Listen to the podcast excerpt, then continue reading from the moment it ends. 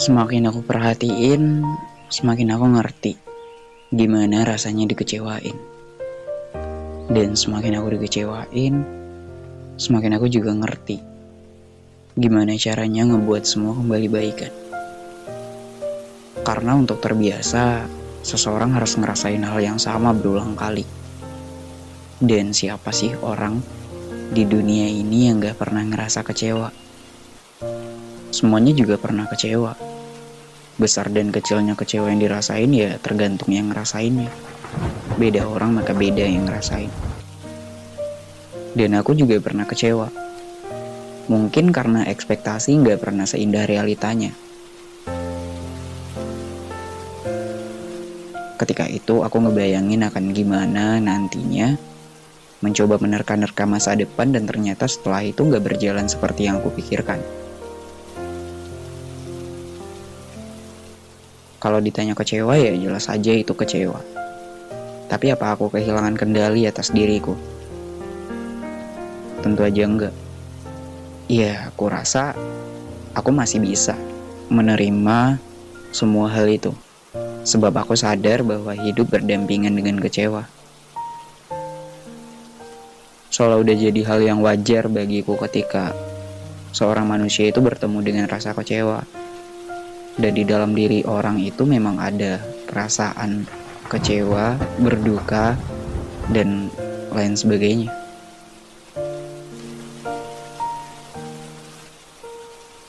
Di balik itu semua,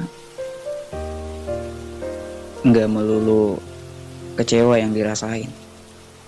Nggak selalu kecewa yang bisa didapat. Kadang ada keberhasilan yang bisa kita raih, ada beberapa hal yang tercapai sebab pernah kita usahakan dengan baik selama ini. Itu udah cukup memuaskan diri, ngebuat kita nggak selalu beranggapan kalau cuma ada kecewa di dalam hidup kita. Kita juga harus mampu mensyukuri apa yang didapat, walau sekecil apa pun itu.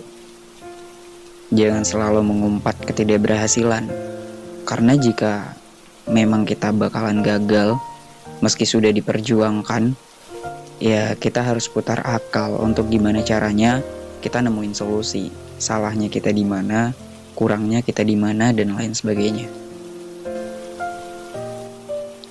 ya emang hidup gak semulus seperti yang aku bicarakan makanya ada kalimat yang bilang kalau hidup itu penuh lika-liku dan di setiap lika-liku itu ada beberapa kejadian beberapa hal yang terjadi yang harus diselesaikan. Berdiam diri sendiri juga bukan solusi.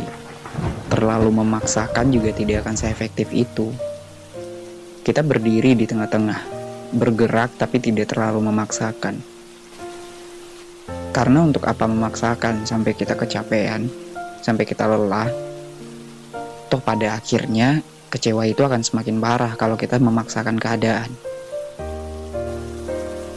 Mungkin itu aja sih yang aku mau sampein kali ini.